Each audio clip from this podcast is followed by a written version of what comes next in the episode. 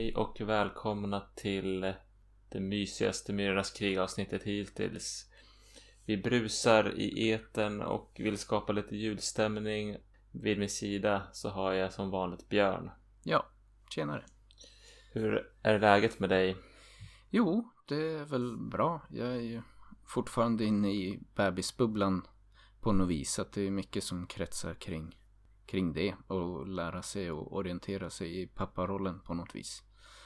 Men eh, det går väl bättre och bättre tycker jag. Ja, papparollen är nog en evig orientering. En evig vilsegång kanske. För mig är det fortfarande. Jo, alltså jag känner ju redan lite som du har nämnt tidigare också. Man så här, tror att man har lärt sig något och det här funkade jättebra igår och sen plötsligt funkar inte det längre. Så får man försöka hitta på något nytt. Man tror att man har liksom listat ut något smart knep men jag vet inte, det, allt förändras så fortsätter man får, man får lära sig på nytt hela tiden lite känns det som i alla fall nu. I början och en tid framöver kan jag tänka mig. Jo, men här är det som en sorts kappröstning. Förra julen till exempel när jag byggde pepparkakshus då var det hur långt som helst och Irma var, eh, ja hur gammal var hon? Nio månader kanske. Mm. Och då la man ju bara, ställde man upp pepparkakshuset på en hylla och så var det inget mer med det. Och nu är det högst upp placerat. Vi byggde huset när hon sov och nu är det högst upp placerat i ett rum hon inte är i så mycket. Så det är inte så mycket glädje av. Och så kommer det väl fortsätta. Man vill ju inte ha en Godzilla-unge som river huset. Man Nej. har bränt sig fördärvad för att bygga ihop. Jag har väl förhoppning om att det är en, en bit bort för oss med den utmaningen än. Nu är det väl mer för oss bara så här strukturera vardagen, mycket kretsar kring maten. Det har ju varit lite knackligt sådär från början och nu som läget är nu går det nog bra men hon äter ju ofta. Istället för mycket. Och det är väl, det är väl så of, oftast det blir men det kan ju bli slitsamt för mamma och pappa om det är matning varannan timme. Mm. Så får man försöka organisera mycket utifrån och orka med det och kunna lösa av varandra. Nu har jag börjat jobba igen också så att då är det en extra utmaning för mamma att klara sig solo. Men Mm. eh, so far so good. Det blir väl, en del saker blir lättare, så är det. Mm. Eh, Men eh, hur har du gjort här för att komma i julstämning? Vad brukar du göra? Ja, alltså julpynta tycker jag ändå är ett måste. I våran, i min förra familj när jag var barn så var det ju ofta lite så panikartad julpyntning några dagar innan jul. Men sen vi har flyttat hit har vi försökt vara lite bättre på att första advent försöker man smälla upp lite julpynt ändå. Nu är vi ju ganska trångbodd så det, man får inte balla ur för mycket. Men, men jag har satt upp en liten julgran och pyntat och hängt upp någon julstjärna. Och, Annars tycker jag, jag är ganska, jag håller hårt på mm, maten tills första advent. liksom. Det, det är förbjudet med julmust och julskinka och allt sånt där i vårat hushåll innan första advent. Även om det nu för tiden känns som att det börjar säljas första november så försöker jag hålla mig så att det känns fortfarande väldigt speciellt och gott och trevligt när man får eh, Första advent då var min frukost risgrynsgröt, ett glas julmust och eh, skinkmacka med senap på. Så man försöker ju, även om julmaten tror jag så här, skulle man äta det hela tiden skulle den vara, den är ju på sätt och vis ganska medioker men den blir speciell för att man håller på det och, och bara äter det kring jul. Jo, absolut. Eh, ja, men vi har väl lite grann så här också att vi försöker vara lite stringenta. Jag kommer från ett hushåll där julskum är ju håsat hela hösten så jag vill ju slå de där skumtomtarna på käften när första advent kommer. Men nu bor jag som 80 mil ifrån den härden så det, jag har alla möjligheter att styra julätandet själv. Ja, jag uppskattar ju juleskum men det är lite samma där. Det är ett ganska tråkigt godis tror jag om man skulle äta det ofta. Men när man unnar sig någon skumtomte kring jul så känns det mer speciellt. Jo, en sån här färsk, eh, saftig skumtomte. Men för mig är det, det räcker med en, sen är jag nöjd. Det, då, ja men nu är det jul. Sen, sen så betar man av något annat gott. jag ska medge... Jag, jag, måste, jag moffar inte skumtomtar. De sålde 10 för 10. Sådana här stora skumtomtar. 10 för 10 på Ica. Så att jag, jag spårade ur lite. Och jag har väl redan lite grann gått på pumpen vad gäller julskum. Men jag har betat av den biten i alla fall. Ja. Sen förstår jag inte det här. De releasar ju alltid någon ny smak nu varje år. Och det blir mer och mer krystat för varje år. Men nu hade de väl en gelé-del i det där, visst var det så? Eh, ja, ja, årets tror jag är blåbär. Blåbärssmak. Och dessförinnan var det päronsplitt. Som också, det känns så här lite anti-jul tycker jag. Julen ska ju vara en tid av traditioner, inte nytänkande liksom. Nej men det är också det, eh, nu kanske jag låter lite puritansk men det är liksom det används som du säger, det ska vara traditioner, det är ju den här smaken och om man blandar ut den med massa andra smaker då blir det ju bara godis. Mm. Jag håller, jag håller med. Så att jag, vi har faktiskt nu, jag är just dum nog att alltid köpa den nya. Det är väl därför de fortsätter komma med nya smaker. Det är korkade personer som jag som bara, ja men man måste ju prova. Men jag har typ varit besviken varenda gång. Eh, någon, något år tidigt innan det liksom spårade ur då hade de juleskum fast som de doppade i choklad som var ändå såhär okej okay, det, det, är en okej okay kombination men det är som sagt päronsplitt och mm. blåbär då börjar man hamna ganska långt ifrån. Det är väl sommarsmaker, blåbär växer ju sommaren. Ja, det, det rekommenderas inte men eh, Nej. någon vanlig julskumstomte tycker jag att man kan unna sig. Jag brukar i ofta försöka göra en finsk kålrotslåda. Och det med tanke på kvällens avsnitt så tror jag nog att jag ska gå och ställa mig och göra en mm. dit. Och det är nog jävligt gott att ha till skinkan och potatisen som len och smakrik krämig sak. Det är bra att ha på julbordet. Mm. Och jag tror vårt julbord brukar vara ganska Det är mycket kallskuret faktiskt. Och det kanske också är en, en praktisk fråga. Det har ju ofta har vi firat jul hos farmor och farfar och så är det Jag tror att det underlättar och prepp, preppen liksom att man kan bara skiva upp massa grejer och ha det klart och bara ställa fram och man behöver inte liksom stå på julafton och koka och greja och hålla på.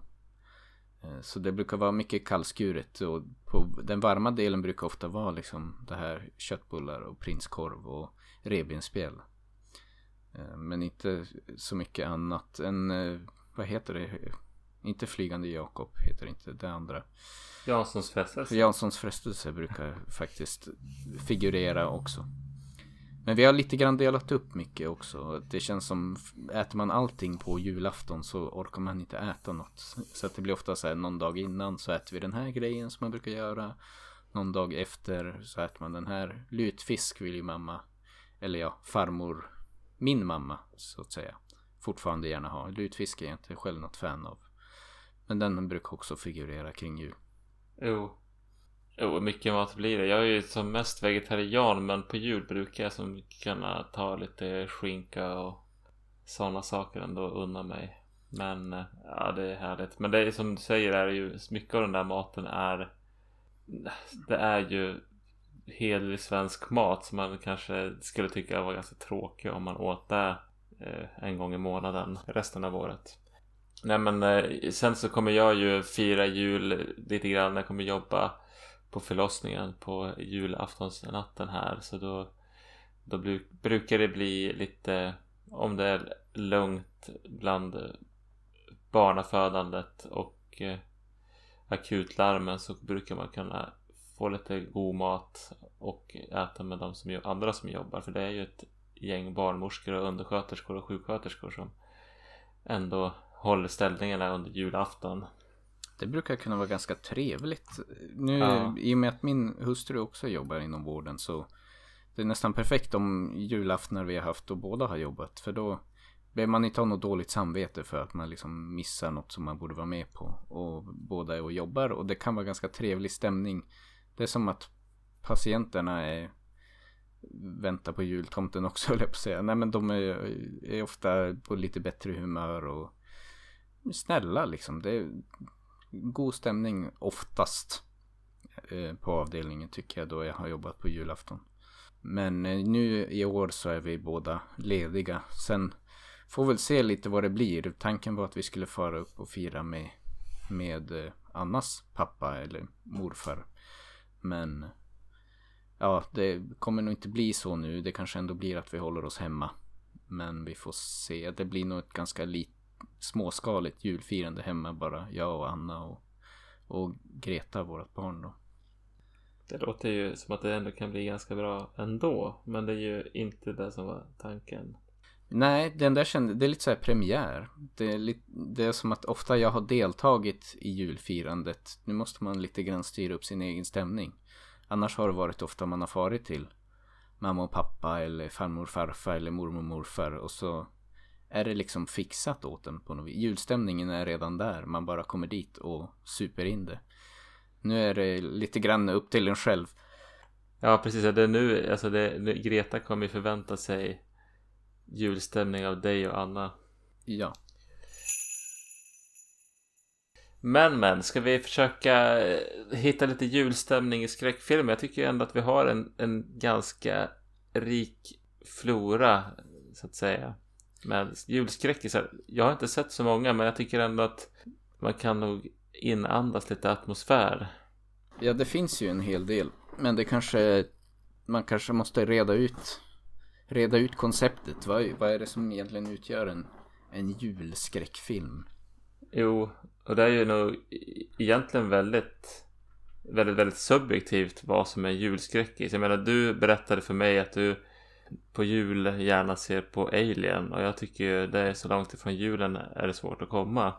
Ja, det känns som att det finns olika julfilmer i allmänhet och julskräckisar i synnerhet kan antingen utspela sig under jul, handla om julen eller så är det bara en slump att det är en sån film som man brukar se på jul. Och det är som sagt, då blir det väldigt subjektivt när det kommer till det.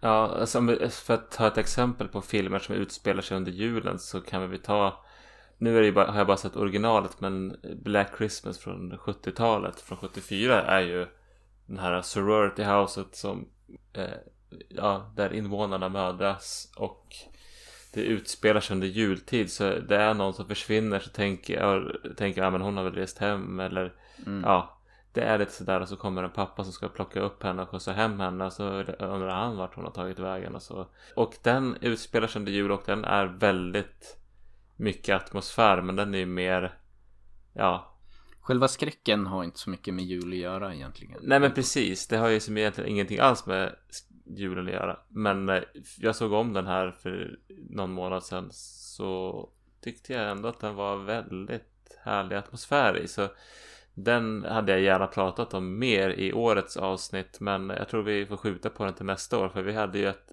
en film vi är lite mer taggade på som vi, vi kommer till. Sen jo, har vi... Ja. Eh, jag tänkte säga det känns som att det finns ju också likt andra filmer också som typ Die Hard och Ensamma Hemma så finns det filmer som av marknadsföringssyfte känns som att de utspelar sig på julen men hade egentligen kunnat utspela sig när som helst men ändå blivit lite traditionsfilmer tror jag för många. Den som kanske sticker ut för mig där det är väl Gremlins att det är ju det känns som att det hade kunnat utspela sig när som helst men han får sin Gremlin i julklapp. Och det kanske var också på den tiden, det marknadsfördes för väldigt hårt mycket leksaker kring den filmen också. Som eh, ett ganska medvetet beslut att man liksom lanserar som Gremlins som årets julklapp typ. Mm. Sen har vi en hel uppsjö med slashers, så Christmas Evil och eh, Silent Night, Deadly Night. Ja, det går ju som igen i slasher slasher B-films, eller vad säger jag, B-slasher traditionen. Att man, man placerar det på någon högtid.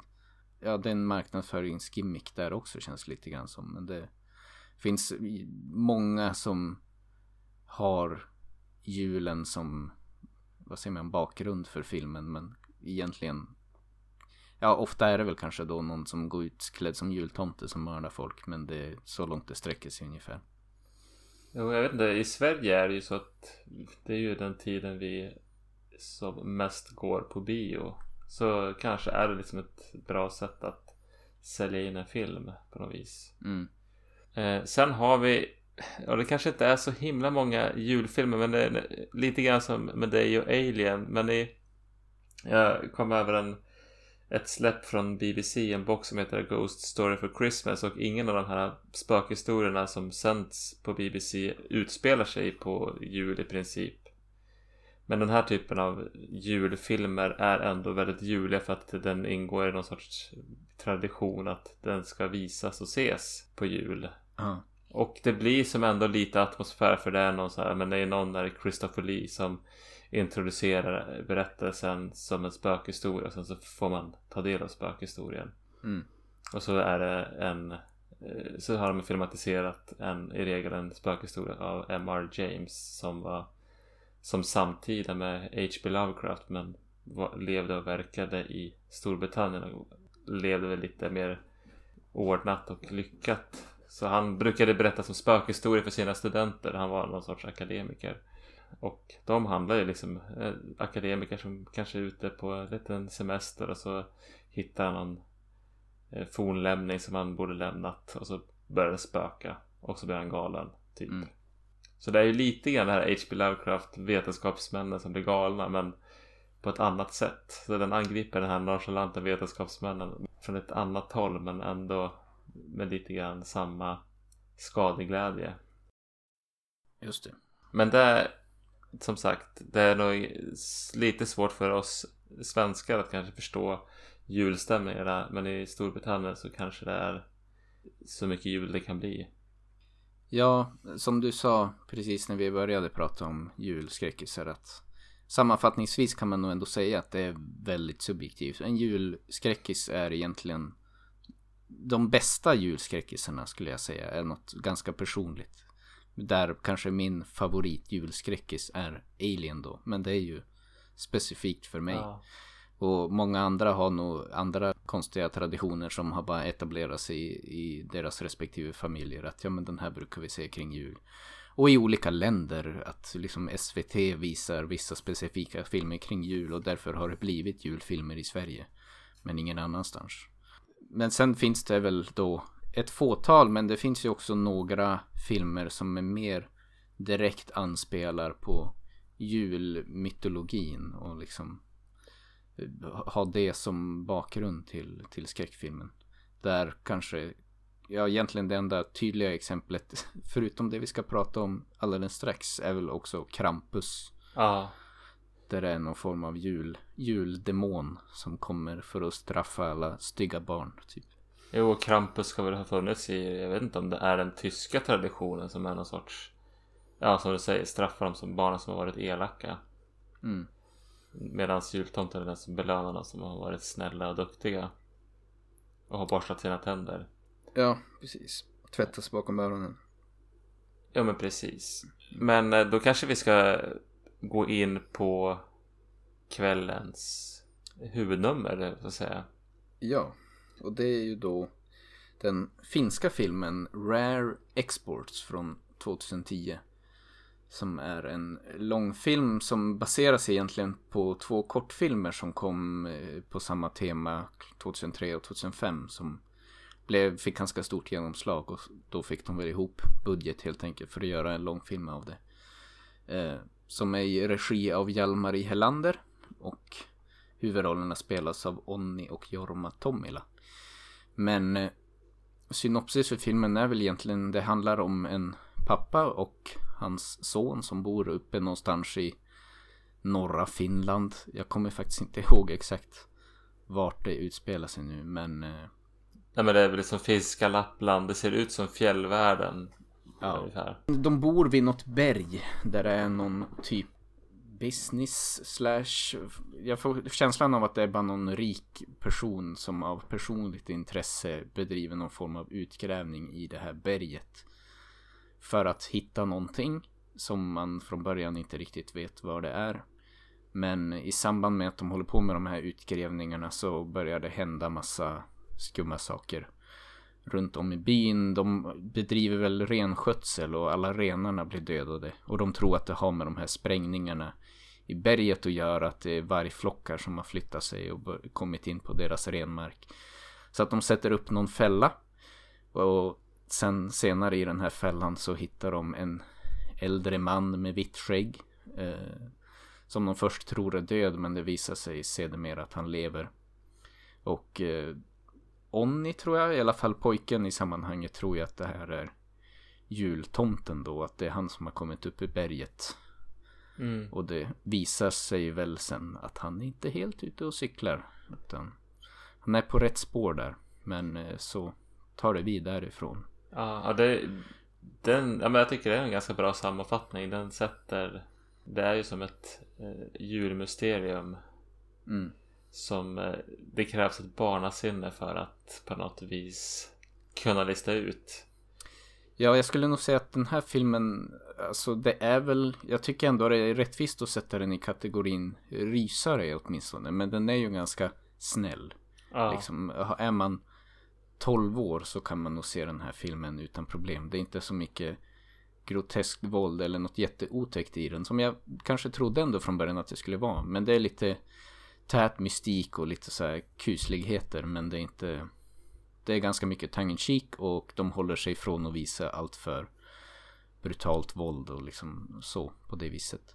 Så att den är väl lite grann en familjeskräckis om man nu skulle kunna kalla det för det. absolut. Jag, jag satt och funderade på om man skulle kunna visa den här för eh, åttaåringen. Eh, Mm. bonussonen. Och att, ja, vore det inte för språket så skulle det nog faktiskt gå. Skulle de prata svenska och det skulle vara det här tonfallet så tror jag nog att det skulle funka. Och man liksom vet nu kanske det blir lite våldsamt så nu får du titta bort. Så skulle han kunna ha en väldigt stor behållning av det. Mm. För det är ju som en julkalender. Han, den här pojken som eh, liksom spanar efter, är det här tomten? Och det liksom är ju lite äventyrligt och han tar reda, tar reda på eh, vad är det här för varelser? Har det med julen att göra? Är det tomten? Är det något annat? Är det något ondskefullt? Den anspelar sig väl lite på samma mytologi som Krampus gör. Att tomten är inte bara en, en snäll person som är far till alla barnen, vad man ska säga, utan han är den här som faktiskt kommer och stoppar kol i strumpan och ger dig smisk och ger dig stryk om du har varit stygg. Ja, det finns även en viss speciell anledning till att de måste gräva ut honom för det är ju som ett eller göra utgrävningar för vad det nu är för någonting. De gräver efter tomten, det framgår väl ganska snart. Det, ja, det är inte och, någon att, jättespoiler. och att det visar sig att det är ju liksom eh, samiska urbefolkningen som har byggt upp hela fjället för att hålla honom begravd. Mm. Och det är ju lite, de gör ju mycket så här roliga spoofs på hela jultraditionen också där. Att de har det här arbetslaget som arbetar i det här gruvbrottet har ju någon sorts arbetsförordning där i början. Där det brukar liksom normalt stå att de ska ha så här säkerhetshjälmar och bla bla bla. När de är inne på området så är det liksom att du måste se till att du har tvättat dig bakom öronen och borstat tänderna innan Absolut du går ner i inte. gruvan. Röker absolut inte Ja. och svär inte. Ja men precis. den rör sig ju liksom i gränslandet mellan komedi och drama och skräck. Drama kom lite out of left field måste jag säga dock för mig. Jag trodde inte det skulle vara så mycket. Jag trodde den skulle vara mycket mer B. Skådespeleriet skulle hålla en mycket lägre klass än vad den gjorde. Jag tyckte det var väldigt imponerande, särskilt den här pappan och sonen i filmen. De har en väldigt intressant dynamik som var väldigt så här mm, så att man ändå blev nästan lite tårögd ibland i hur fin Ja. relation de har. Utan att de behöver skriva en på näsan. Men man förstår ju att det finns ett djupt trauma bakom den här familjen. Och de pratar om när farsan liksom har gjort pepparkakor och han säger att jo, men det, de är nästan lika god som mammans pepparkakor. Och det är allt man behöver säga så ser man liksom i pappans blick att det finns, det finns mycket bakom här. Jo, att de sätter det på ett... Ja men det känns som både trovärdigt och det blir inte heller att, som du säger, de skriver inte in för mycket i det. De gör inte för mycket på det utan det bara, det passerar förbi som en... Det är, finns i bakgrunden på och berikar men det har inte så... Tar inte upp för mycket, det tar inte upp onödig tid. Nej, och blir inte för cheesy heller. Det känns... Ja, jag vet inte, jag tyckte det var skitbra rent ut sagt. Jag har varit väldigt berörd. Eh, Om man liksom Mm. ser hur, hur han kämpar i en, ensam i den här papparollen. Där han har kanske varit en ganska stoisk person som liksom håller på med renskötsel och han jobbar som slaktare och så plötsligt så är han ensam och måste ta hand om det här barnet. Och är kanske lite vilsen i den här rollen men verkligen anstränger sig för att göra det absolut bästa han kan för sitt barn. Men också är lite, snubblar lite grann på vägen. Ja. Ja men samtidigt har den här filmen förutom det här dramat så, som jag som sagt har inte så mycket tid men ändå finns där så känns det ändå som en sorts lite, nästan lite Indiana Jones äventyr över det med den här utgrävningen. Det känns ju som eh, vad heter den? The Raiders of the Lost Ark. Mm. Eh, att de gör så här utgrävningar. Nu är det ju som ingen ondskefull stormakt som man följer. Men det är liksom det är lite grann samma typ av eh, mytologi. Eller vad man ska säga. Mm. Och det blir som både äventyr och man får följa den här pojken som tar på sig hockeyskydd och spanar och letar spår. Ja, det, det, det är ganska roligt att följa. Och det är en väldigt bra eh, miljö som är väldigt atmosfärisk och jul.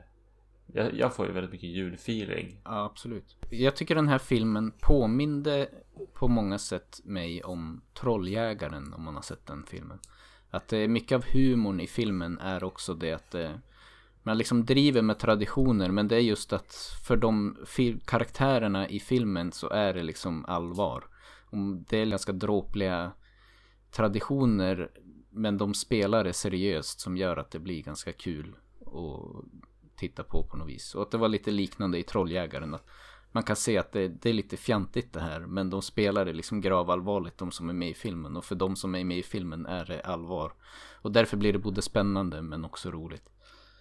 Ja men det är som att de tar en, som en skojig företeelse och sen lägger de in den i hur skulle det vara i verkliga världen? Det skulle, och så fattar man att det skulle vara helt absurt. Och det är det som gör det roligt liksom. Mm. Plus att de, som du säger, att de, de är väldigt... De spelar det play it straight. Eller säga. De, de, de rör inte på mungipan. Men de här glimten i ögat finns inte på den nivån i varje fall. Sen är det ju mycket roliga interaktioner med det här teamet som är, det antyds väl att det är typ någon rik excentrisk amerikan som har gjort den här utgrävningen. Och han är han har, anar ju att jultomten finns där i berget. Och sen kommer de ju på någon plott liksom då de har förlorat sina pengar när deras renar blev slaktade att de ska ha då föräldrarna till slut också tror att eller jag vet, det är inte kanske solklart att de tror att det är jultomten men de tror i alla fall att han tror den här rika amerikanen att det är jultomten. Och att de då ska försöka ransoma och ha någon lösensumma för att liksom sälja till honom. Och där finns det mycket roliga interaktioner också i att de är så här helt sämst på engelska och ska försöka förhandla med den här snubben. Ja men de har ju som en, en person i det här machogänget som kan prata engelska och får agera tolk och de andra är ju, de pratar ju bara finska. Mm. Och står där och försöker poka på honom liksom. bara, men säg någonting då. Så sen när han kommer tippa What happened to my men? Where are they? Och så han bara Yes yes we are men. Let's do business. ja precis. Det var ett av de ögonblicken. Ja. Ja. Bra film skulle jag på säga. Jag... jag tycker det här tror jag definitivt har potential att ses om i, i jultid. Jag var glatt eh, överraskad. Mm. Den var både men, hyfsat snygg och men, man ser att det är lågbudget men när det kommer CGI så kan jag acceptera den då. Det är liksom de, ja jag tycker att det håller. Men eh, jag kanske inte har så jättemycket mer att säga om den här filmen. Det känns som går man in allt för mycket på detalj så kommer man också komma med för mycket onödiga spoilers. Utan jag tycker att det är en, det är en riktigt bra julfilm och bra film. Oavsett. Ja men precis. Den, och den är så pass nära oss kulturellt så det, är nog, det, det ger lite extra poäng och lite extra bra smys. Mm. Absolut. Och för de som ser den här filmen så tycker jag också om man har den på DVD så finns nog extra materialet med. Annars finns det att kolla upp på YouTube att det var väl värt att se de här två kortfilmerna som bygger på samma mm. koncept också. De var också väldigt roliga. Så en eh, stor rekommendation eh, ge till Rare Exports. Det var, det var en eh, glad överraskning. Jag, jag hade ganska höga förväntningar och jag skulle vilja påstå att de överträffades. En liten jingle på det då.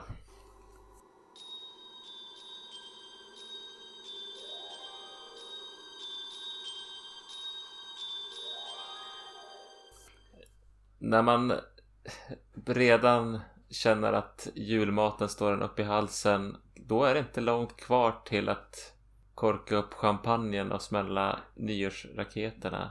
Det är sant. Och då ska man väl också tänka, tänka vad, vad har man varit med om det här året? Vi tänker gå in och köra som en liten, vad ska vi säga, nyårskrönika från våran podds perspektiv. Ja, jag tror vi får betona att det är från våran podds perspektiv. Att vi, ingen av oss har väl varken haft tid eller lust att sitta och nöta igenom liksom alla, alla skräckfilmer som har kommit i år. Men en del filmer har vi sett och de kan vi väl prata lite grann om. Se vad vi har haft för höjdpunkter i år. Och kanske även så småningom blicka lite framåt mot efter året och se vad som kommer på radarn både för oss som podd och på filmfronten. Yes. Ska vi ta och bara snacka om lite av filmerna vi har sett. Vi var ju så Colorado Space på bio. Mm. Det var en väldigt bra bioupplevelse och tyvärr så har vi redan pratat om den här i en hel podd. Har du något mer att säga? Jag har inte sett om den. Nej, det har jag inte gjort. Men jag tror om jag, jag kanske, jag har för mig, har inte den kommit på Netflix? Eller så har jag fel. Jag, Jag vet, vet inte. Det var en bra film i alla fall. Jag tyckte den var. Ja. Men eh, vi behöver inte nöta ner oss i det. Utan jag hänvisar till våran podd om H.P. Lovecraft om man vill Ja, det höra mer om den filmen. precis. Det är H.P. Lovecraft och eh, med Nicolas Cage i huvudrollen. Fär- Färgsprakande som man hör på namnet. En annan film som kom tidigt under året i, i januari som gick lite obemärkt förbi. Men jag vet faktiskt att jag specifikt tror jag pratade om den i våran förra nyårskrönika. Eh, det var ju Underwater. Som Har du sett den nu? Jag har sett den nu. Jag, jag hyrde den faktiskt på Blockbuster, streamade via Blockbuster. Och den var...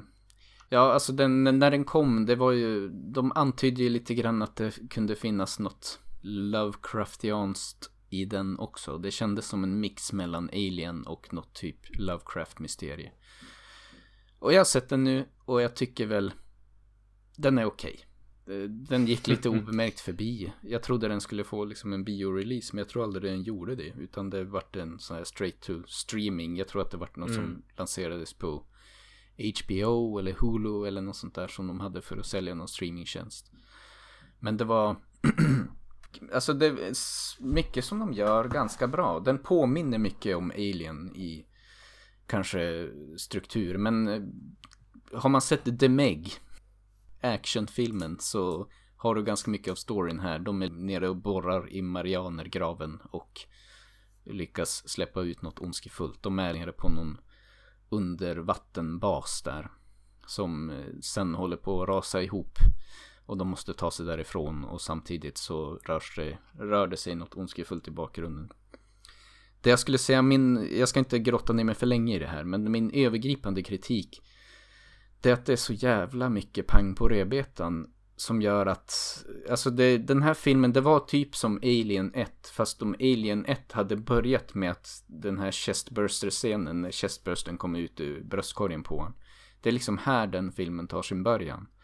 Vilket blir lite weird. Jag tyckte att gruppen, alltså gruppen överlevare, de hade liksom okej dynamik, men ingenting som hände kändes som att det spelade någon roll för man brydde sig inte. För man har aldrig tagit sig tid att etablera den här gruppen karaktärer och vilken relation. Det enda vi vet om deras relation till varandra är vad de uttryckligen säger. Du älskar honom, eller hur?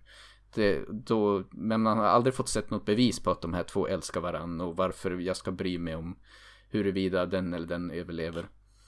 Som gjorde att allting kändes lite tomt på något vis. Men annars var skräcken och actionen i den ganska bra. Men det hade, och den var ganska kort film så att det kändes onödigt också. De hade kunnat ta, ta lite mer tid och etablera storyn och etablera karaktärerna så att man faktiskt brydde sig om hur det gick för karaktärerna sen när det liksom barkar. Mm, så det, det, låter, nu har inte jag sett den här men från mitt håll så låter det som att det här är på manusnivå så har de eh, inte lyckas köra med show don't tell utan de kör tell och för att de bryr sig inte så mycket om vad man känner för. Nej, de bryr sig inte så mycket om dramat utan det bara tar sig vidare till nästa actionscen. Så måste alla karaktärer bara ha någon ganska krystad scen där de berättar vad allas relationer är till varandra. Men de visar aldrig att okej, okay, den här tycker om han och de här har en liten rolig grej här. Utan det är bara något de säger men man får aldrig se ja. något liksom bevis på det. Sen en liten grej också som jag störde mig så sjukt mycket när jag såg. De hade ju någon sån här ombord-dator på den här basen. Och det är ju ett vanligt koncept i sci-fi. Att man har basically en expositionsdator som håller koll på den här basen. Men det, det var så urspårat i den här filmen. Det brukar ju kunna vara liksom bara, ja oh, men We have detected damage here and here. Och istället för att då måste visa det i en sci-fi film så kan de bara säga att här på rymdskeppet så är det någon skada och det liksom höjer tension lite grann. Och många filmer har det. Det är liksom någon dator som lite berättar i bakgrunden. Typ shut down in 10 seconds. Och det liksom skapar en tickande klocka. Den här datorn var helt urflippad. Det var, liksom, det var som löjligt till slut hur mycket funktioner den här datorn verkade ha. Den i princip berättade hela storyn som är så här. Jag kunde inte hjälpa att sitta och tänka hur har någon programmerat den här datorn med alla de här funktionerna. Det är liksom, den berättar inte bara att basen är skadad här och här utan det berättar han är här och här och han tycker det och de tycker det. Och det är liksom den här datorn som drönar på i bakgrunden som berättar allt det där som var Ja, det var ju också en jävligt lazy sätt att ta sig igenom en massa exposition som de inte orkade visa. Utan då har de bara att datorn berättar We have a creature attacking the base here and here. Och som att de har programmerat in den med massa funktioner som ingen i sin vildaste fantasi skulle ens kunna förutse skulle kunna hända. Vilket kändes ganska absurt. Men eh, de nyttjade den grejen väldigt mycket. Och det störde mig. Men eh, det var en okej okay film. Man kan, det låter som att man kan se om Das båt istället. Ja, det skulle man väl kunna göra. Eller för all del se Alien. Och så hade jag Beroende ju på vart, vilket element man vill befinna ja, precis. sig i. Jag hade ju hoppats att jag ska inte spoila för mycket. Det finns ju liksom, de har gjort ett monster i den här filmen som är väldigt snarlikt ett Lovecraftianskt monster.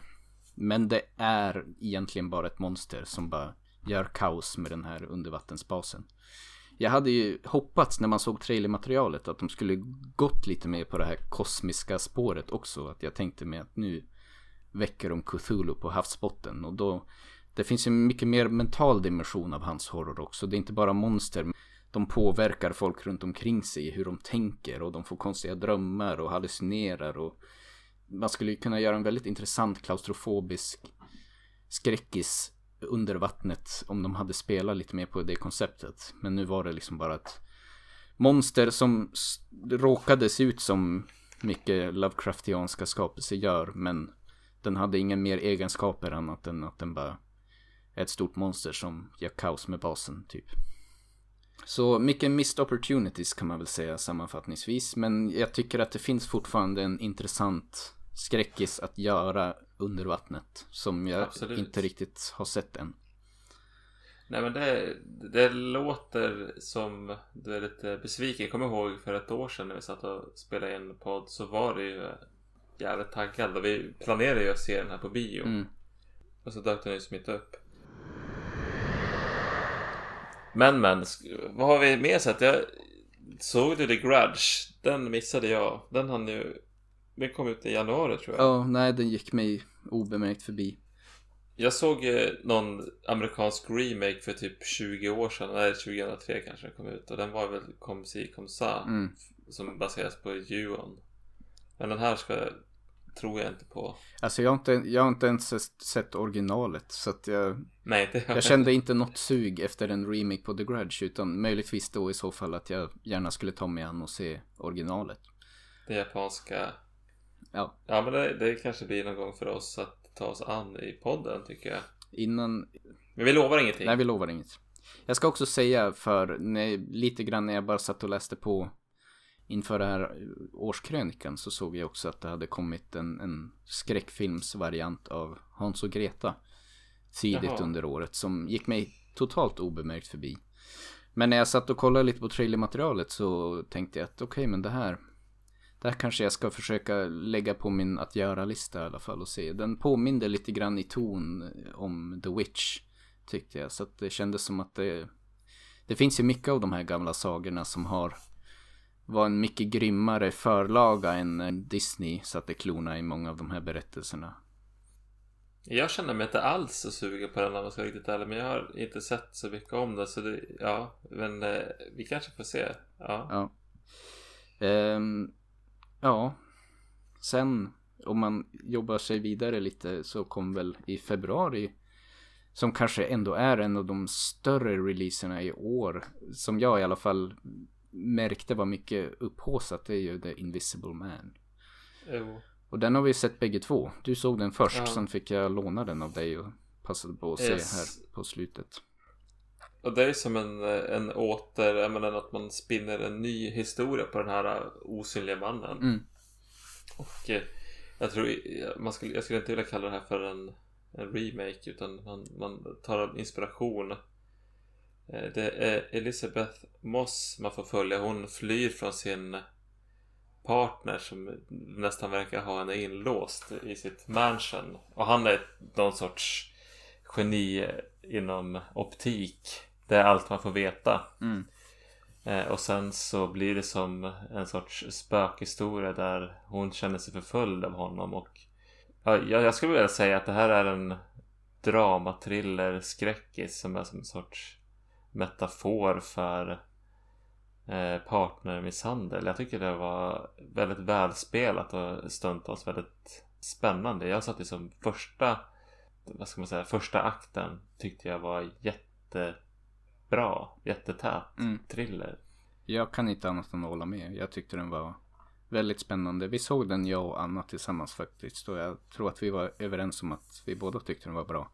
Och då är inte hon någon stor skräckfilmskonsument. Men det kändes som att mycket av det som är bra i den här filmen är, den känns ju också ganska tids rätt i tiden på något vis. Att den, den skräcken handlar mer om det här vad säger man, domestic violence. Och de visar mycket på hur, när hon tror att hon är förföljd i början, hur kvinnorna som blir utsatta för sån här psykologisk och fysisk misshandel ofta blir misstrodda när de försöker söka hjälp. Och det tar liksom väldigt lång tid innan någon tror att det faktiskt stämmer det hon berättar om att hon har varit med om och så vidare. Och hon har svårt att tro det själv. Hon blir som det heter gaslightad av mm.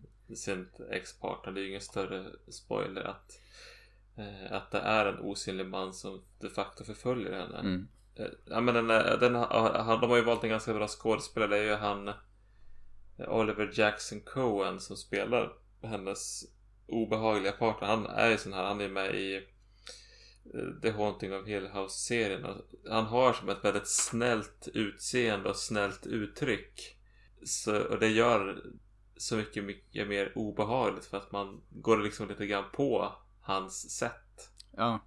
På något vis. Jag tänkte att när jag såg den, alltså man, hade den inte het, hetat The Invisible Man så hade jag kanske ganska långt in i filmen kunnat ändå tro att det här är en film som handlar om att hon liksom bryter ihop och bara får jättepsykos. Vilket hade kunnat... Tampas med sitt trauma. Ja, precis. Det hade liksom kunnat varit en okej okay film det också. Det var kärnan i filmen ändå hur, hur svårt märkt hon blev av det här destruktiva förhållandet som hon försökte bryta sig lös ur. Och så råkade det vara en osynlig man där också. Som adderar lite spänning men den hade varit en väldigt spännande film även utan den osynliga mannen tycker jag. Ja men precis. Jag tycker att han eh, som har gjort filmen, han, det är ju han som har gjort så. Men hur som helst, det spelar väl ingen roll. Eh, Lee Wernell heter han. Mm. Eh, gör också ett bra val att han tar precis jag tycker att han väljer att ha precis lagom mycket sci-fi i den här. Det är sci-fi men han gör det ekonomiskt. Han använder inte mer sci-fi än historien behöver. Mm. Det får vara en väldigt skådespelardriven, alltså jag tycker Elisabeth Moss det är hon som bär mycket av berättelsen. Man skulle ju lätt kunna hamna i det här att det blir väldigt mycket fram och tillbaka med tekniken som används för att den ska kunna vara osynlig. Eh, och hur hon ska kämpa mot det. Men det blir inte så mycket där som eh, den trillar inte i den fällan tycker jag. Det, det är må många sådana i berättelsen som jag tycker är bra. Definitivt en av de bättre skräckfilmerna jag har sett i år. Den var ganska snygg också. Lite sterilt eh, polerat men jag tycker att det kan passa bra i den här filmen. Ja, jag har inte så mycket negativt att säga. Jag tyckte jag har inte liksom tagit notes när jag såg den. Jag kanske skulle kunna ha en del detaljer att slå ner på men overall så tycker jag det var en väldigt bra filmupplevelse. Och som passar många tror jag. Man behöver inte vara skräckfilmsnörd för att uppskatta. Det går att uppskatta på flera plan. Nej men det är ju väldigt bra mänsklig berättelse som eh, är också väldigt aktuell. Jag tror att det är nog många som skulle kunna känna igen sig i det. Mm. En film som jag minns innan var ganska upphåsad också. Som jag vet kom samma månad såg jag nu när jag gjorde lite research. Men som jag också minns var ganska hypad innan. Det var ju den här The Lodge. Som sen försvann obemärkt förbi. Men jag minns att jag såg mycket trailermaterial. Det är ju nog typ ungar som ska ut och bo i någon stuga med sin makes nya flickvän. Som sen visar sig ja, det finns väl liksom, de, de litar inte på henne och det visar väl sig så småningom att de förmodligen har rätt. Nu har inte jag hunnit sett den här, men det var också en sån där som jag hade lite grann i bakhuvudet när jag såg. Jag tror att den var liksom trailer som rullade när vi såg Colorado Space till exempel. Ja, jag tror jag, jag har ett minne av det. Mm. Någon sån här vinterig, eh, isolerad plats. Exakt. Men ja. Eh, den kom tydligen där i februari. Utan att jag märkte det alls. Men den eh, ska tydligen vara ganska bra i alla fall. Vad jag läst. Jag vet inte. Om, eh, om någon har sett den får de gärna kommentera. Se om det är något vi ska lägga upp på våran att göra-lista. Ja, absolut. Sen så kom ju den här norska skräckfilmen Kadaver upp på Netflix här i slutet på hösten. Mm. Såg du den? Ja, tyvärr. Tyvärr tyckte jag den var inte alls bra alltså jag började se den och jag plågade mig verkligen igenom den för att ja, men det är en norsk skräckfilm som har kommit från det här året. Den här måste jag ju se. Mm. Och det var, ja men den för att göra en lång historia kort, det är utspelar sig i någon sorts postapokalyptiskt Norge där eh, folk lever i svält. Eh, och i all den här misären så blir en familj som består av en mamma, en pappa och en dotter. De blir liksom inbjudna till en Eh, sorts eh, middag med en teaterföreställning. Där blir de, får de mat, vilket är härligt. Och så kommer den här dottern bort på teaterföreställningen och det visar sig att saker och ting inte riktigt är som utlovat. Ja, jag ska säga så här, när jag började titta på den här, det var, det här, den här gick på Netflix bland annat. Eh, jag bara snubblade liksom in på den. Jag fattade först inte att det var en norsk film. Så att när jag satte igång den, då var den på engelska. Och så var det... Ja men Netflix gör ju sådär. Yeah. Det har jag varit med på flera... De, ja. Men i alla fall så reagerade jag på att fy fan vad dålig dialogen är. Liksom, det är så sjukt kast. Och så vart jag som misstänksam att det här kan ju inte stämma. Och så kollade jag till slut och såg att det var norska. Men sen måste jag säga att då slog jag om till norska och jag vet inte om det blev så mycket bättre. Jag tycker att det var liksom nästan det stora misslyckandet i den här filmen. Att jag vet inte vem som har skrivit manus men jag vet, någon, det var som off. Det är en yngling som har skrivit och regisserat. Nej, jag, jag tycker det är jättedåligt skrivet. Det är som väldigt mycket de gör väldigt dumma saker för att det enda sättet att få historien att gå framåt. Mm. De pratar om att men nu ska vi hålla ihop för att det vore tråkigt om dottern försvann. Och bokstavligen nästa scen. Och sen så, ja men gå, gå bort det där. Du kan gå bort och titta där. Vart tog du vägen någonstans? Ja. Och så är hon borta. Och det är så här, okej. Okay.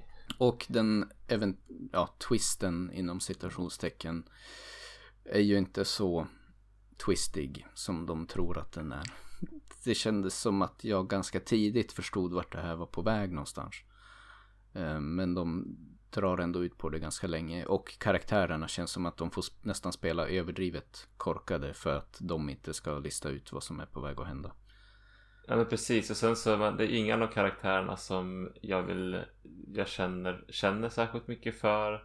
Det finns inget djup, det finns inga känslor i dem. De, de rabblar upp sina eh, repliker och sen så ska det för, föra historien framåt. Men det, man vet, ser på lång väg att ungefär vart, det, vart hän det barkar. Så det blir ju aldrig spännande heller.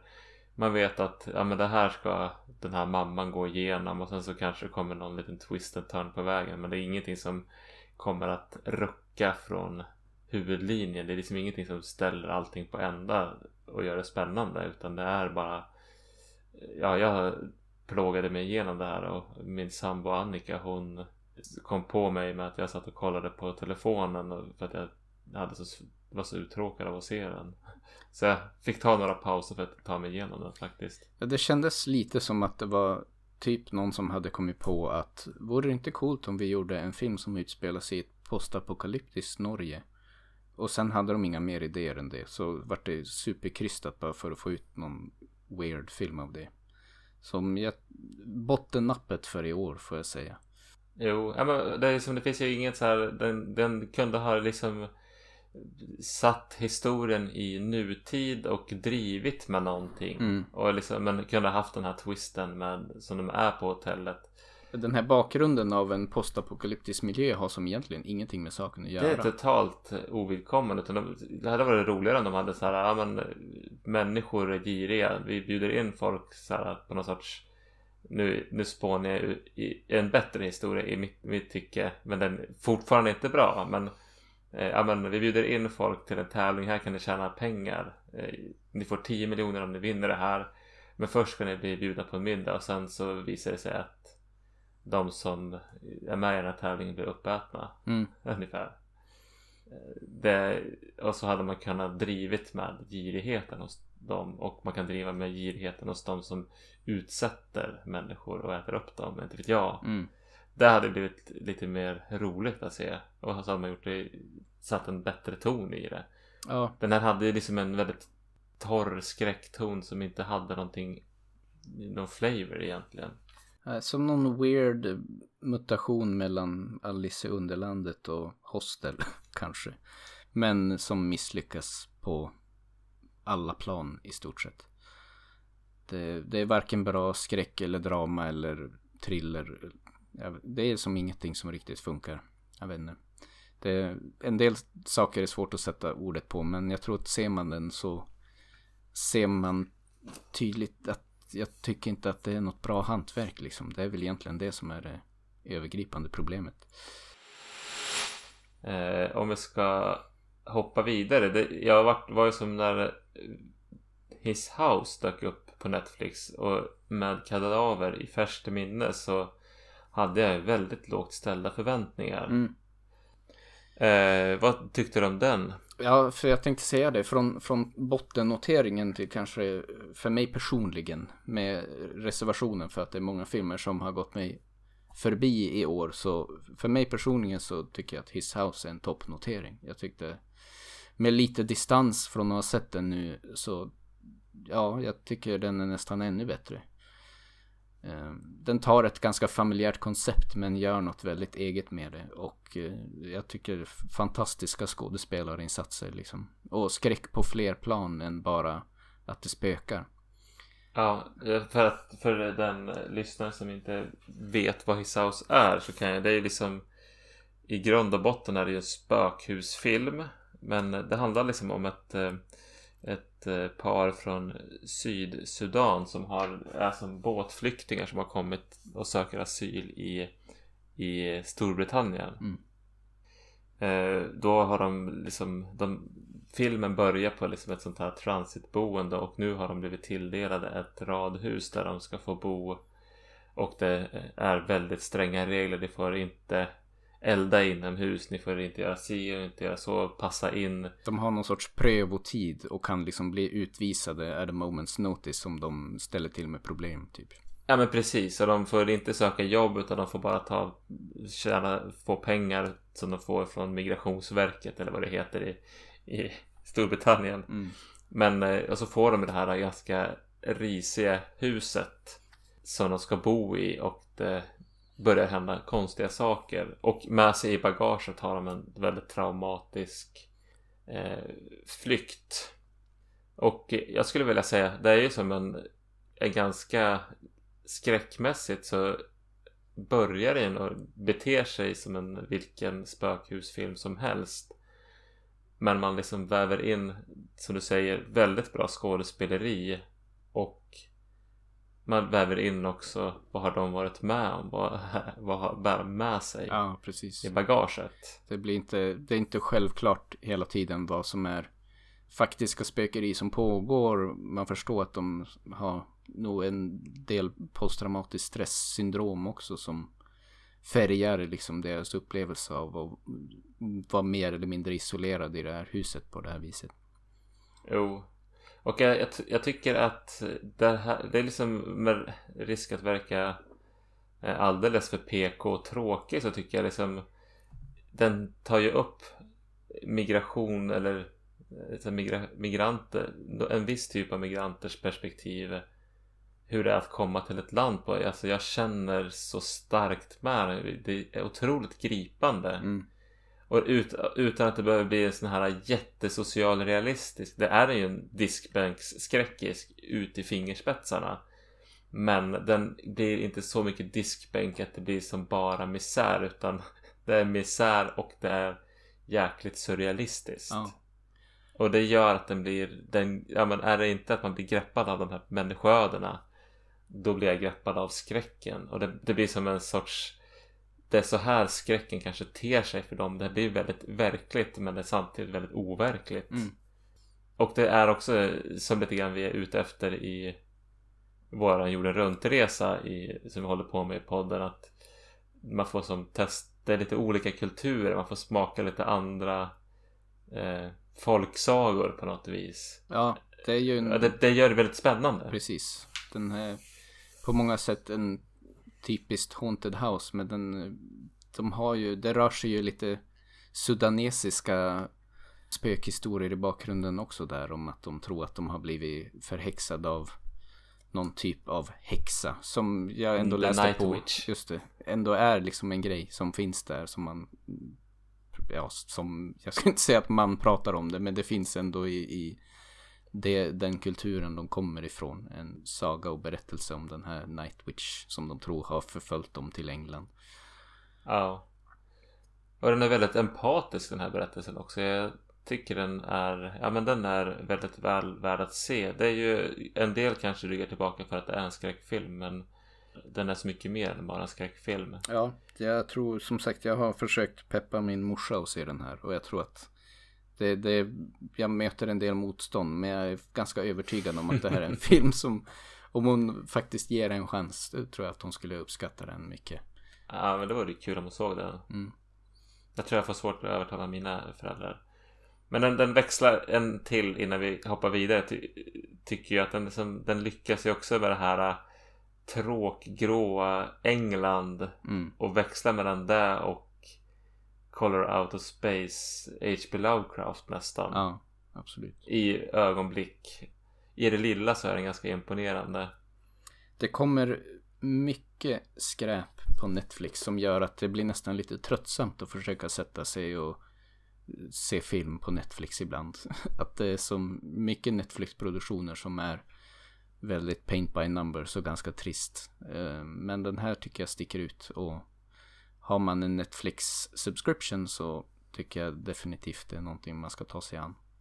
Men det, Netflix skulle kunna arbeta på att kurera lite bättre. Vi såg ju hos dig streamade lite HBO och där reagerade vi på att det var väldigt få filmer. Men det var ju också ett ganska kurerat innehåll. Och det känns som att det finns något lite gyllene medelväg där mellan Netflix och HBO. Där man kanske ändå vill ha ett stort utbud. Men eh, ja, bättre möjligheter att kunna söka och sortera och ranka. Och det, det blir som, slår man upp skräckkategorin på Netflix får man bara hur mycket filmer som helst var, var en av tio kanske är värd att se. Nej, men jag har ju lyssnat en del på eh, amerikanska och engelska skräckfilmspoddar och då pratas det om en streamingtjänst som heter Shudder som är Mm. Som Netflix fast för skräck och thrillers och sån typ av genrefilm. Ja, just det. Och det är ju som en, en tjänst som får väldigt mycket beröm för att den är väldigt välkurerad. Den har väldigt mycket skräck, alltså, i alltså mycket vanlig skräck. Men också väldigt väl utvalda skräckfilmer och mycket bra dokumentärer om skräck. Och ja men det är och bra serier. Men haken är att man, det räcker liksom inte med att man har en amerikansk VPN utan man måste ha typ ett amerikanskt eller brittiskt kontokort att betala med. Så det är ju som omöjligt nästan för som svenne att se det.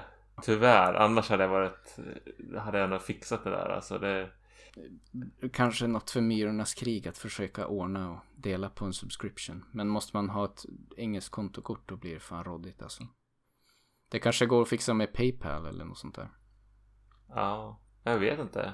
För jag, jag känner ju att eh, är det någonting jag saknar i livet så är det en, ett, ett, för just att att tänka om man kan ha en streamingtjänst som man, man kan förlita sig på att ja, men den hittar skräckfilmer åt mig och de har ett, ett bra, de vill dela på bra skräck liksom. Det är Ja. inte bara att köra algoritmer som får en att fortsätta prenumerera utan det här är lite mer kvalitet än vad Netflix är. Netflix har ju mycket bra också Mm. men Det är, så, det är så svårt att hitta det ibland.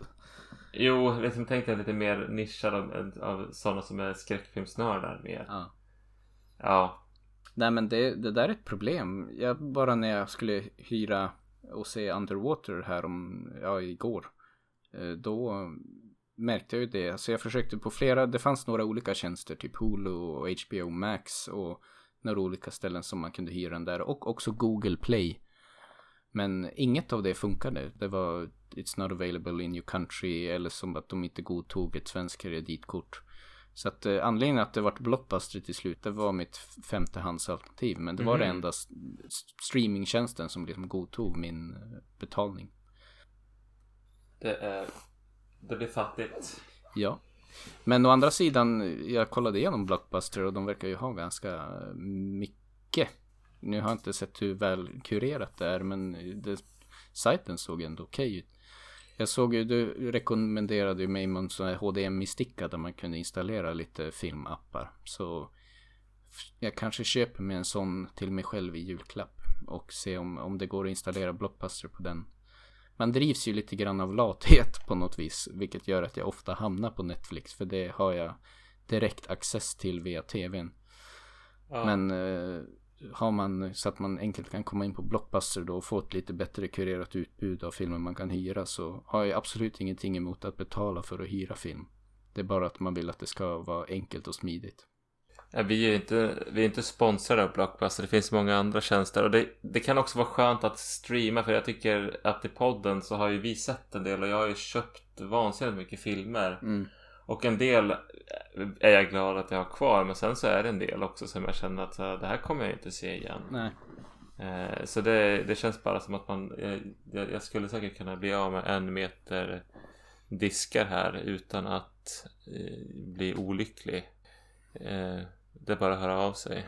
Annars från året då? Känns det som att det är något stort du har missat som vi ska sätta upp på att göra-listan till framöver? På att göra-listan? Nej, men vi måste ju se Halloween Kills när den kommer ut. Jag är ju aspeppad på att köra de här eh, 40 år, alltså vet ni, Halloween 2018 och tillsammans med det Ja. i, en, i en kväll. Det vore ju väldigt roligt att göra det till en happening för oss. Ja, det är mycket som har blivit uppskjutet. Candyman vet jag att vi pratade om i Candyman. förra årssammanfattningen också. Som en, en, en att hålla ögonen på, men som aldrig, aldrig blev av i år utan har fått Ja men den hoppas jag på. Det är ju, Jordan Peele ligger väl som producent på den. Mm. Sen är det ju många inom skräckvärlden som tycker att han ska hålla sig till komedi, att han är för PK och bla bla bla. Men jag tycker faktiskt att han gör väldigt spännande filmer som är omsebara.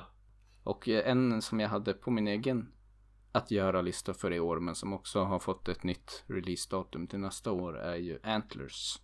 Ja, den Som jag, jag tycker ser väldigt lovande ut. Kanske i samband med att den kommer att det finns anledning att göra någon typ body horror special.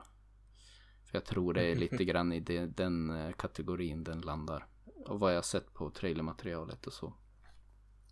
Sen har vi ju The Hunt kommer väl också. Eller det kanske kom men vi, jag missade den. Det handlar om några som eh, totala främlingar som vaknar upp i skogen och så Ja, just de det. jagade. Jag minns att jag har sett trailern. Jag vet inte om det... Men det kanske har släppts. Men det, de här andra har ju inte kommit än. Så de, Ja, det är mycket som bara lite grann i... Från att det har varit ganska mycket hype kring bara i tysthet dök upp på lite olika streamingtjänster här och där eller fick ett eh, nytt releasedatum till nästa år. Man bara låtsats som att det har regnat. Ja. Army of the Dead pratar de om. Vad säger du om den? Den kommer väl också? Ja, alltså egentligen vet jag inte om jag tycker så, så mycket om den men det, det är ju en stor film. Det är väl samma regissör, tror jag, som gjorde den här ganska omtyckta Dawn of the Dead eh, filmen. Jo men det tror jag. Zack Snyder känner jag igen. Mm. Ja absolut. Så det kan ju, den det är en sån här Jag vet faktiskt inte vilken jag tycker mest om. Jag kör, köpte Dawn of the Dead på Ultra HD Mm. häromveckan och det Ja, den är ju bra alltså. Men det, remaken var, tycker jag ändå Där de tvistade lärde men jag tycker ändå att den heder, ja, den är helt okej. Den är en bra remake. Jag tycker att den överträffar kanske inte originalet för det är omöjligt men den, är, den var, såg jag på bio var ju väldigt tät. Ja. Kanske att den upplevs lite trött nu när det har varit så himla mycket eh, The Walking Dead och andra zombiefilmer under ett decennium drygt.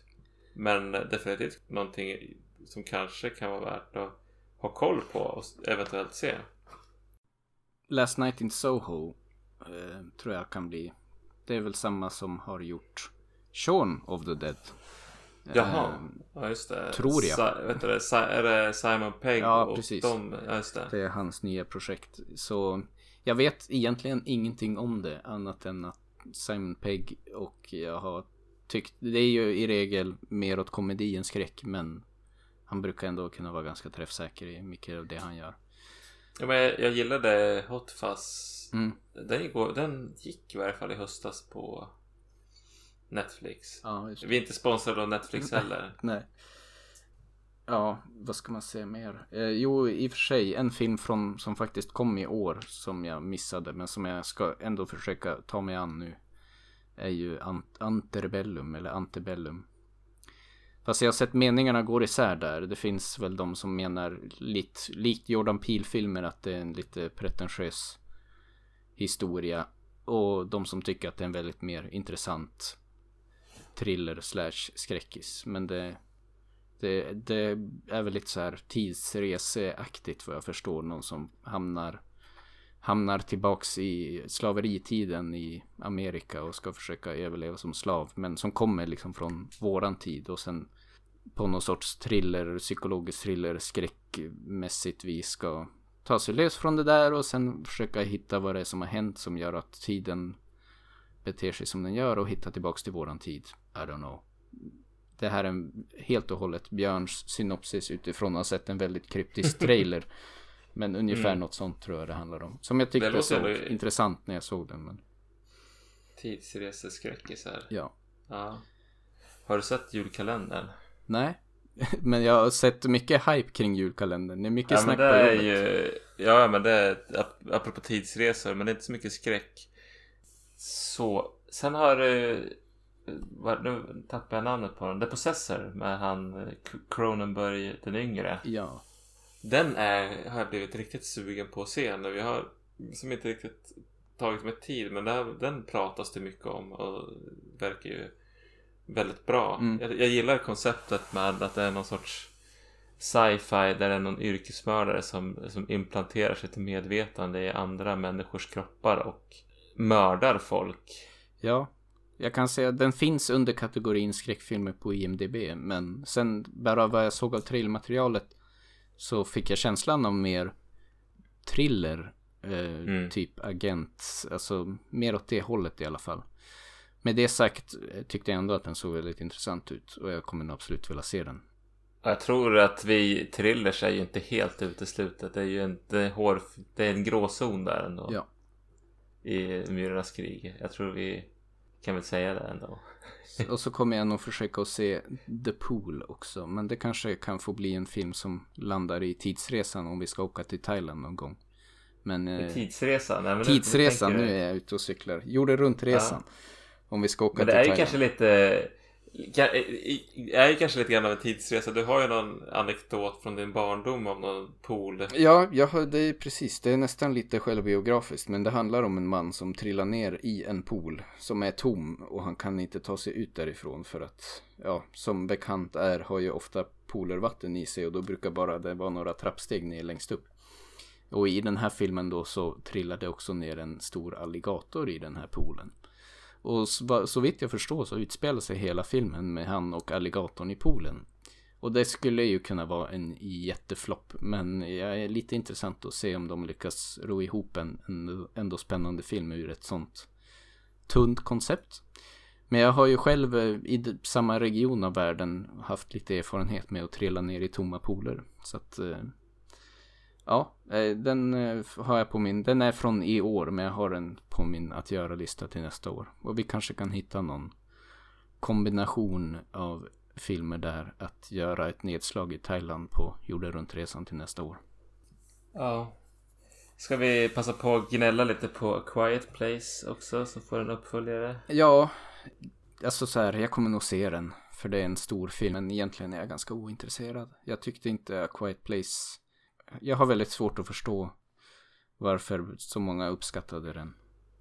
Men Den var väl ganska bred i sitt målande? ja, det kanske är det. Den passar många. Men eh, för Ja. mig så vart det lite grann tvärtom reaktionen. Den är gjord för att passa alla och så känns det som att den passar åtminstone inte mig så bra. Jag tyckte den var ganska trist. Men den får en uppföljare i alla fall som är ganska håsad. Som var väl egentligen också tänkt att släppas i år men man har skjutit lite på det. Kan man inte lägga den budgeten på att göra någon sorts... Någon... Man fortsätter på samma liksom, man berättar samma sak som i Invisible Man. Eller kanske inte samma exakta sak men den typen av psykologisk thriller skulle jag vilja se mer av. Ja, så många storfilmer som har blivit försenade i år så kanske det ändå skapar utrymme eh, eller skapar intresse för produktionsbolag att våga satsa på lite mindre produktioner helt enkelt. Och lite andra intressanta koncept än bara de här spektakulära liksom biofilmerna. Ja, Det blir som, jag är trött på blockbusters som går på high concept som det är. Ja men det blir lite, alltså det kan vara lite bredare. Du får, jag har ingenting emot att det kommer såna här äh, riktiga ångvältsfilmer för de kan vara ganska roliga att se vissa men det är när det liksom det dominerar så mycket. Eh, det är ganska okreativt och det liksom handlar mer om att man skapar en hype runt trailers och marknadsföringen och, och det är inte så mycket som är nytänkande heller. Då kanske det är bättre att man har sådana små filmskapare eller sådana filmbolag som gör går på idéer snarare än att man ska producera merchandise. Och, Ja, ibland får man nästan känslan av att de börjar med trailern och så de börjar designa, det här kommer vara en trailer som vi kommer kunna liksom marknadsföra och få mycket, bygga mycket hype kring. Och så kommer filmen lite som en eftertanke. Det blir ganska trist på något vis. Så jag hoppas Ja. väl att man kan få se lite mer ja men intressanta så här konceptfilmer som säkert kommer vara mycket bottennapp också. Det är lite coin flip kan jag tänka mig med den typen av film. Att man har någon intressant idé och antingen faller det platt eller så blir det någonting ganska spännande som kommer ut ur det. Men eh, jag hoppas att eh, snubbarna som sitter inne på pengarna vågar ändå satsa på lite mer sådana nischade koncept så att säga. ja, sen hoppas jag att det kan dyka upp lite roliga sätt att se film på. Jag hoppas att biograferna inte försvinner. Eh, och att det, det skulle vara kul om det fanns lite mer så här eh, piratbiografer höll jag på att säga, men inte där. Men alltså mer folk har en stor skärm och en projektor och sen så sitter man och kanske inte är så många men man ser på väldigt nischade filmer och har trevligt tillsammans. Det är min dröm. Ja, jag hoppas ju på att eh, biografer vågar satsa på lite mer temakvällar också. Det hade varit kul. Jag har ju som absolut. sagt varit på en som de faktiskt hade på SF Bio här i Umeå en Tillbaka till framtiden kväll med min hustru då vi såg alla de filmerna och man hade lite, de hade lite cosplay och det var lite mingel och lite fika mellan filmerna. Som jag tyckte var väldigt trevligt. Det är inte alls mina favoritfilmer men jag tyckte det var en väldigt rolig grej och som en liten extra krydda för att få se en sån film på stora, stora duken som jag inte själv har fått uppleva när det begav sig. Och jag tänker bara, jag ser framför mig en alien, en alien kväll liksom. Det hade varit fantastiskt att få se Alien 1. Med, de, med ja. de tre första. Det, jag vet inte, det kanske inte finns en marknad för att stötta det. Men jag upplevde i alla fall på den kvällen att det var mycket folk där. Och ja, jag tyckte det var trevligt. Och jag kan betala lite extra för det också. Men jag tror just om man ska se en skräckfilm så är det ju Alien som jag tror skulle kunna dra tillräckligt mm. mycket folk. Um, Scream har jag svårare att tro. Eller någon sån franchise. Jag tror inte det. Inte i Umeå, men Alien skulle kunna gå upp i Umeå. Fast visst kommer det ens till Scream nästa år? Det kommer 2022. Jag har faktiskt 2022, kikat på det där. Ja, just det. Att det. Den måste vi ha på vår release-radar. Men det såg ut som ah. För närvarande i alla fall så Det var väl tänkt 2021 men det är uppskjutet till 2022. Det har väl varit lite problem med inspelningen. Ja, jag förstår. Jag hörde en intervju med David Arquette och han verkar ju som Han känns ju väldigt mycket som mm. Dewey. På riktigt också. Ganska gullig på sitt sätt men Lite jobbig också.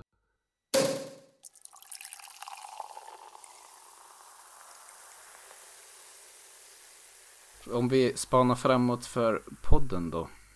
Har du, eller vi kan säga så här, har du någon favoritpodd från i år och vad ser vi fram emot att göra till nästa år?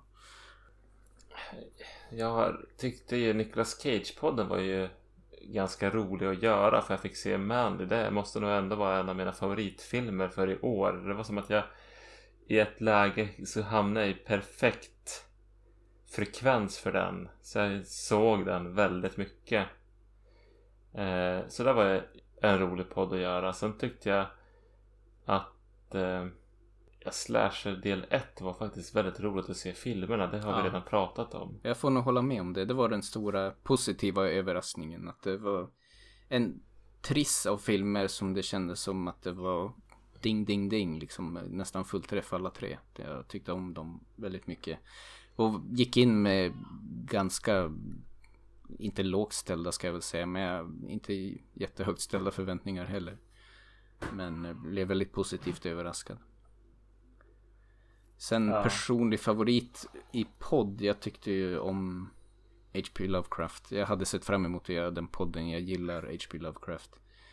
Jag tyckte även Finlandsavsnittet på jorden runt var ganska roligt. Roliga filmer eh, och ganska roligt att spela in.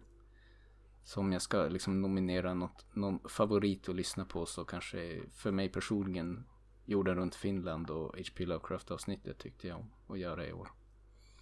Ja, vi hade ganska bra ambition på mm. H.P. Lovecraft. Sen så tycker jag lite grann ett av de lättsammare avsnitten som jag tyckte om att lyssna på, i alla fall när vi släppte det var ju den här uh, Roadkill avsnittet. Det var, som, det var någonting där mm. som jag tyckte om. Absolut.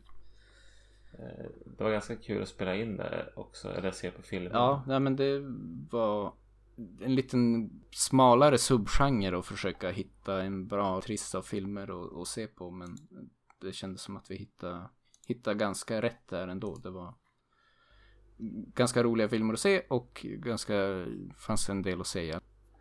Jag var lite tveksam när vi tog oss an det konceptet om vi överhuvudtaget skulle hitta några filmer som som kändes som att det passade in i, i ambitionen men det, det vart ganska bra.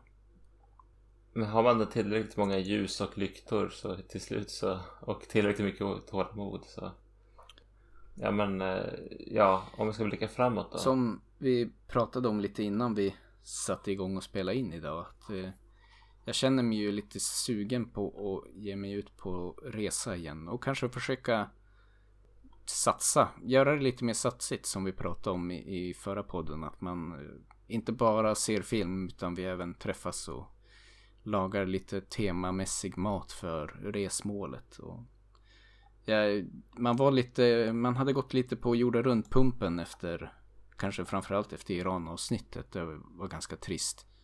Men eh, nu när man har haft tre månader av slasherfilmer så känns det som att det skulle bli kul att ge sig ut på någon, någon, något nytt resmål igen.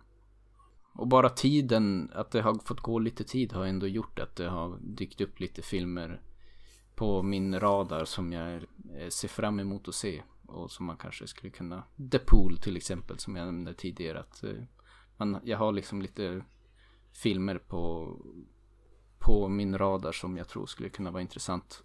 Jag är sugen på ett Rysslands avsnitt också. Ja. Men jag såg även där när jag gjorde lite research för det här avsnittet en film som heter Sputnik som verkar vara ganska omtyckt ändå som eh, är någon rysk skräckfilm som har kommit i år. Om man kan hitta någon eh, kombination med det så kanske laga lite borst och, och se på ryska skräckfilmer. Och hälla upp ett glas vodka. Dricksglas. Men jag tror att det finns väldigt mycket. Jag tror att vi säkert kan hitta utveckla vår metod att planera de avsnitten som gör att det blir både roligare och lättare för oss att få till det i framtiden. Och med det sagt så har vi just i detta ögonblick inget bestämt resmål. Nej, vi får, vi får ta ett litet andetag och fundera igenom. Det finns ju andra mer koncept. Alltså jag skulle gärna jag säger inte vem, men jag tyckte som även du sa, Nicolas Cage avsnittet var kul. Det skulle vara roligt att djupdyka lite mer i någon ny skådespelare kanske. Och se om man kan få till något avsnitt. Så det finns ingen brist på idéer. Det, vi har väl inte helt hamrat ut vad just nästa avsnitt blir. Men jag skulle kanske ändå tro att januariavsnittet blir en ny, nytt resmål så får vi se vad det blir.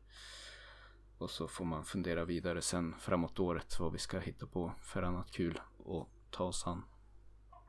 Och eh, för den lyssnare som har kommit så här långt i avsnittet. Jag vet inte om du lyssnar på det här dagen innan julafton när det här kommer. På julafton när du är less på maten och all julmusik eller mellandagarna. Eller runt nyår. Det har varit kul att få prata. Och eh, vi lyckades att inte nämna årets stora snackis som har varit som elefanten ja, i rummet. Det gick ganska bra faktiskt. Vi sa det innan att nu ska vi ta oss igenom hela det här avsnittet utan att nämna det. Men det, det gjorde vi. Jag trodde det, det skulle vi. bli svårt. Mycket av årets filmer har ju också släppts i den kontexten liksom. Som har påverkat en hel del. Men det har kommit några filmer tack vare. Har, vi har ju den här uh, The Host. Som utspelar sig på Zoom. En Zoom-skräckis. Och sen så har jag, de, av de som gjorde One Cut of the Dead har jag gjort också en lock, Lockdown-skräckis. Eller, eller komedi mm. eller vad man ska kalla det. Som man kan kolla på Youtube. Det tror jag inte är så svårt att hitta. Den jag kommer inte ihåg vad den heter men den var ja, rolig. Absolut. Men eh, vi kanske ska jobba mot avrunda då innan vi råkar nämna det som vi skulle undvika för det här avsnittet. Och jätteroligt att ni har velat vara med och lyssna på oss snacka skit hela året. Och eh, hoppas att ni hänger med oss i nästa år som vi hoppas kan bli lite lite mindre stökigt än det här året har varit. Morsning och goodbye.